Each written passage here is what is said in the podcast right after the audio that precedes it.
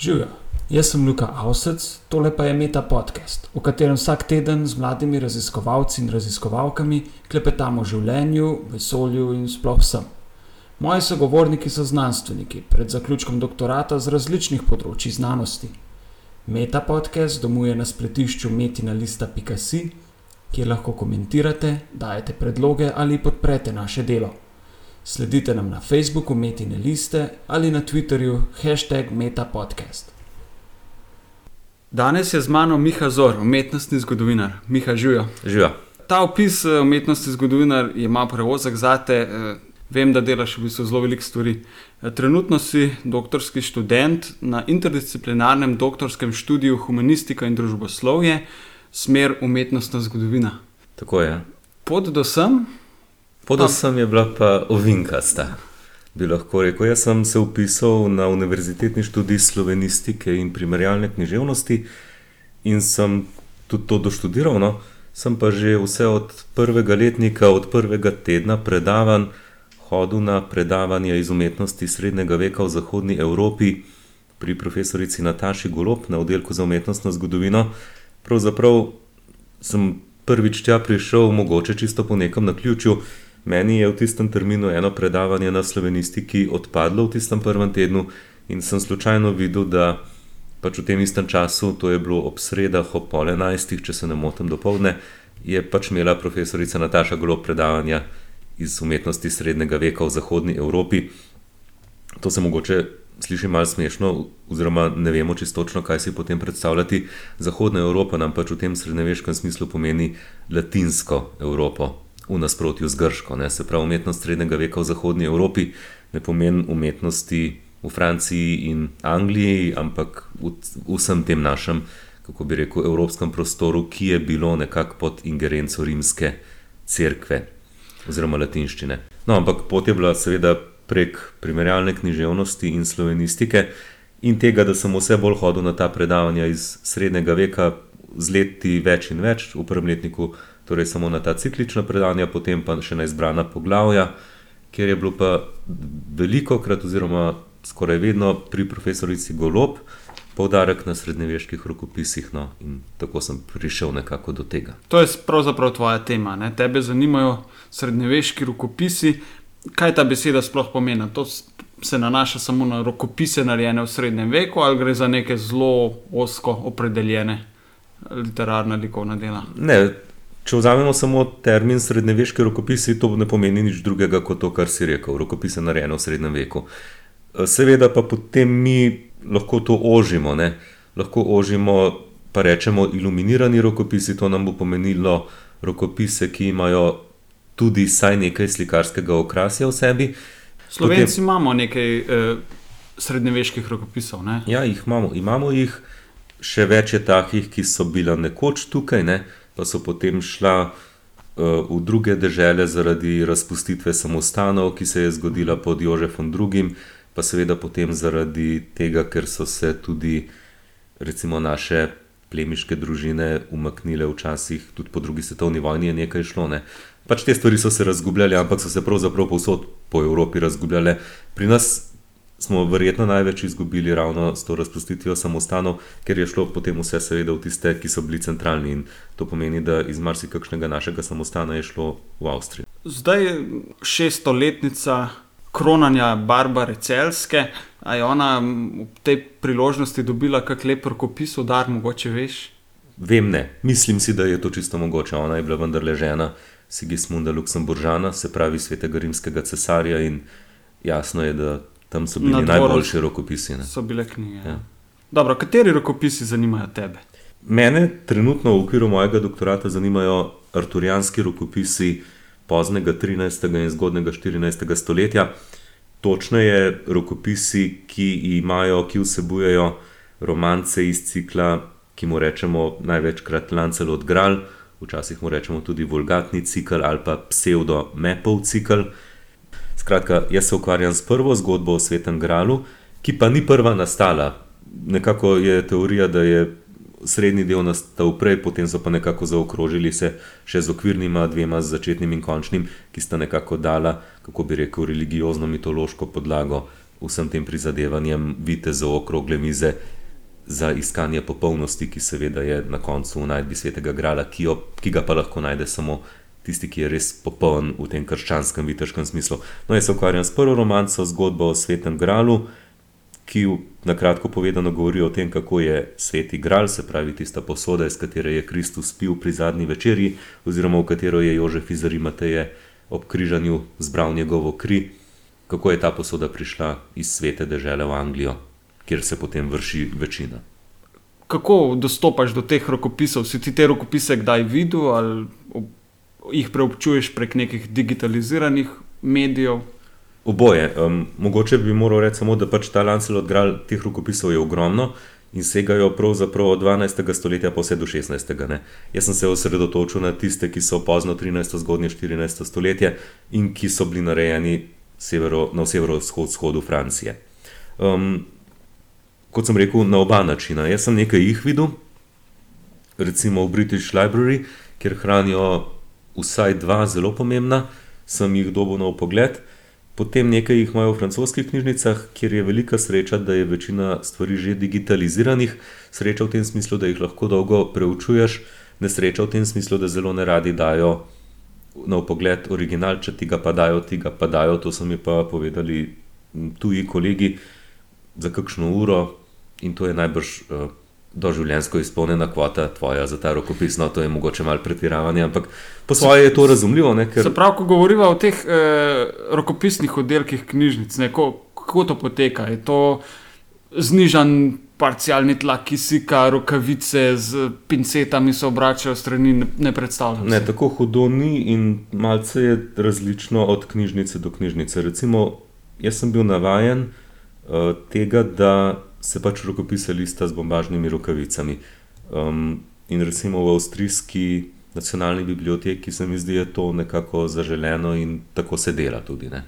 Oziroma, tudi na smeš brez. V British Library sem jaz imel svoje rokavice, pa so mi oni sami potem rekli, če jih lahko ne uporabljam, ker imajo drugačno stališče. Njihovo stališče je, da so bile, bile te knjige narejene za listanje in da je bolje, da se jih lista, ker rokavice povzročajo lahko večjo nerodnost in to lahko pripelje do mehanskih poškodb. Čeprav, jasno, vsi, ki preučujemo rokopise, zelo pazimo in mislim, da ta argument ne zdrži, da bi prišlo do mehanskih poškodb. Je pa zanimivo, da pač raje vidijo, da ti po rokopisih listaš, ne, pač svojo malo potno roko, kakorkoli že. Če te tako vprašam, uh, si kje v kakšni knjižnici na letu na Roberta Langdona? Uh, junaka iz knjig eh, Dana Browna, ki je Tom Hanks tako dobro upodobil. Nisem na naletu, se pa vedno zgodi, da se takole pri preučevanju rokopisov, ne, ker ponavadi, če preučuješ take rokopise, kot jih jaz trenutno, recimo ravno v Londonu, so sta dve vrsti mis namenjeni tem rokopisom, ki so malo bolj dragoceni.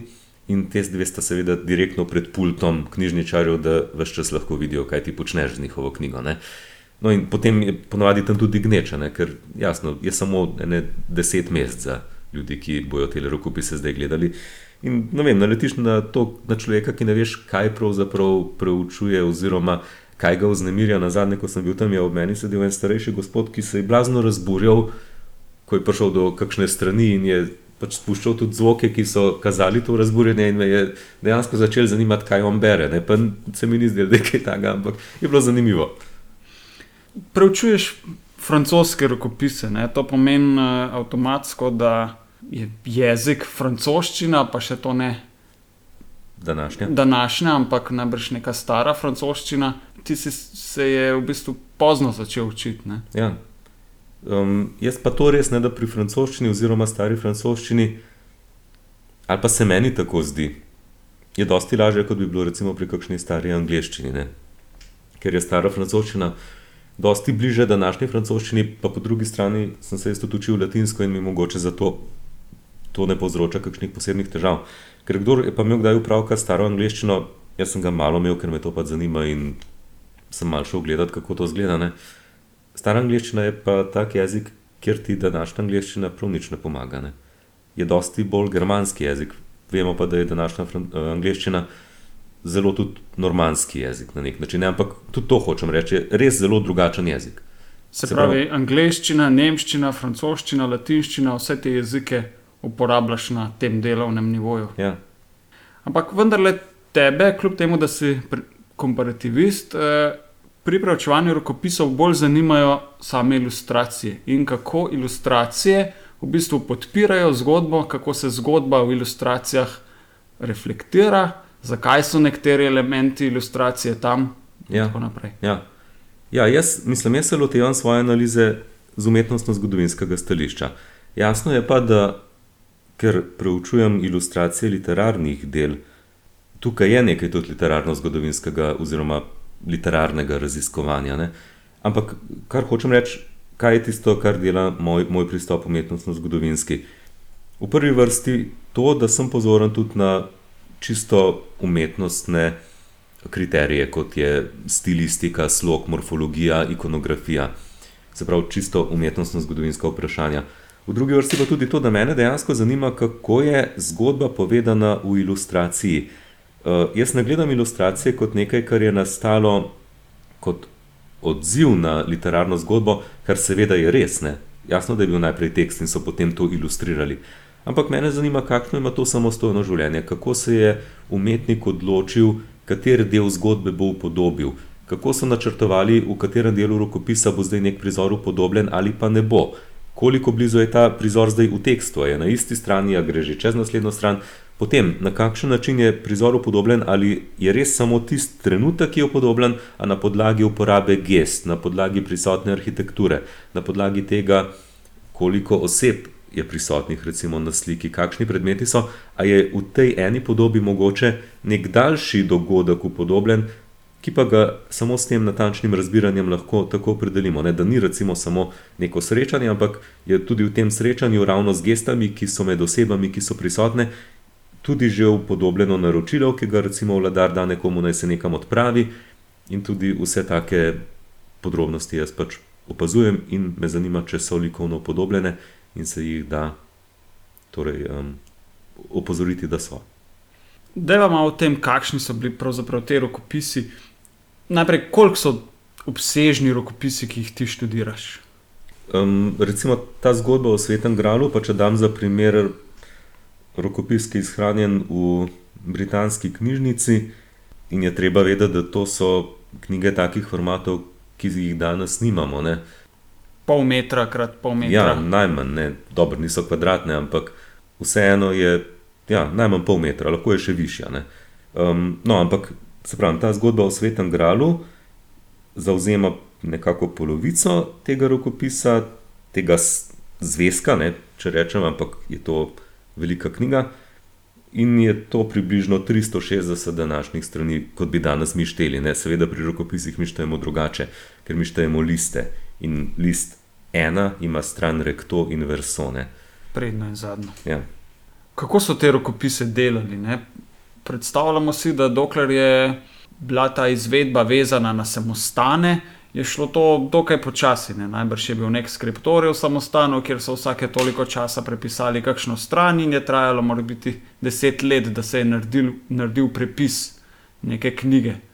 Ja, tako dolgo sicer po moje, ne, no, pa tudi dejansko, če so bili skriptori, so tam delali najbrž kar vsak dan. Ne. Mislim, je, je bila to nekako organizirana dejavnost. Jasno pa, da je šlo počasneje, so se seveda samostani potem tudi nekoliko specializirali, pa so v enih pisali in prepisovali predvsem Biblijo, recimo v drugih psalterje ali pa horarije, se pravi knjige, ki so služile za dnevno molitveno pobožnost. Um, ampak tak velik razcvet in oziroma ne razcvet, razcvet samo v smislu količine, ne, sej, kar je nastajalo, nastajalo v samostanih, recimo že leta 800, v času Karla Velikega, so to prekrasne zadeve. Ne. Ampak količina se je pa seveda zelo pomnožila takrat, ko, so, ko se je eh, produ, produkcija preselila v mesta. Preselila se je pa ponovadi zato, ker zaradi, zaradi univerzne. In se je tudi mal način dela spremenil. Um, spremenil se je tako, da so imeli vzorec, katera, ki so ga prepisovali, ampak ne zdaj zvezan v eni knjigi, ampak v snopih. Ti snopi so šli k različnim pisarjem, tako da je vsak pač pripisal tisto poglavje in ga spet. In na ta način je seveda lahko istočasno, oziroma zelo hitro nastajalo več kopij iste knjige. Ne? Več kot če bi en moral celo knjigo prepisati in bi moral prepisati 300 strani, in v tem času od strani 1 do 50 nihče drug ne bi mogel prepisovati. Zdaj je pa to šlo. Ne? In jasno, potem je šlo pa to, eh, pisarji so pustili prostor za slike, če so bile predvidene, in tudi za inicijale, če so bile predvidene, da so narejene kaj se jim zlatimi lističi ali eh, z barvo, ne s pigmenti. Potem je šlo to k slikarjem, so oni naredili svoje, potem pa počasi k knjigovezu. V čem vidiš ti pomen svojega dela in naj je to delo mednarodno odmevno? To delo je lahko mednarodno odmevno in seveda tudi je. Odmevno je v umetnostno-zgodovinskih krogih, ki se ukvarjajo recimo z gotskimi rokopisi, kamor moje delo sodi odmevno je v literarno-zgodovinskih krogih, tudi recimo to, kako jaz skušam nekako razlagati odnos med sliko in besedilom, je za literarne zgodovinarje vendarle lahko zanimivo, ker govori pravzaprav o nekem tipu recepcije besedila. Odmevno je, po mojem, v humanističnih krogih nasploh lahko, ker konec koncev pa v zgodovinskih krogih, seveda, ne se to je pravzaprav zgodovinsko raziskovanje. Govorimo o tem, kaj so ljudje brali, kaj tako so ene stvari razumeli, kaj se jim je zdelo pomembno, kakšne vrednote so takrat cenili, kakšna je bila literarna kultura, kakšna je bila raven pismenosti, vse to nekako je zajeto v preučevanje srednjeveških rokopisov. In seveda pač povedam, kaže nam neke vrhunce, ki jih je človeštvo v Evropi v tistem času dosegalo. No, če poslušate Miha, kako uh, kvalitetno izgovarja, kako gladko mu teče beseda, vas najbrž ne bo presenetilo, da je tudi radijec. Ne, se pravi, eh, že zgodaj si se uh, izkazal kot novinar za področje umetnosti, nekje od leta 2010. Pa si tudi napovedovalec, slišite ga ob jutrih, ki vam prebere dnevnik, pa še kaj drugega leta 2013, lani, torej je dobil tudi nagrado Ane Mlakar za mladega obetavnega napovedovalca, ki ga podeljuje Društvo poklicnih radijskih in televizijskih napovedovalcev Slovenije. Čestitamo. Hvala lepa.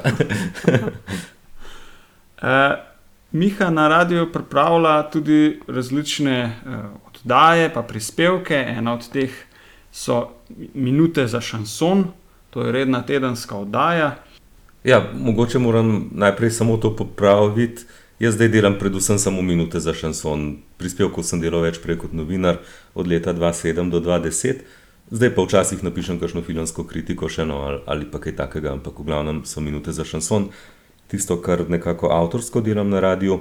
Odkot ljubezen do šansona? Bi rekel, da nekako po naključju. Mislim, da nekako poznal sem francoski šanson prek tega, kar so kdaj recimo kaj poslušali moji starši, ampak ne da bi oni to izrazito poslušali, ampak jasno, če smo se kdaj v avtu vozili, pa je kaj bilo in tako ga poznala. In za Edith Piaf tudi smo vsi nekako slišali v svojem življenju.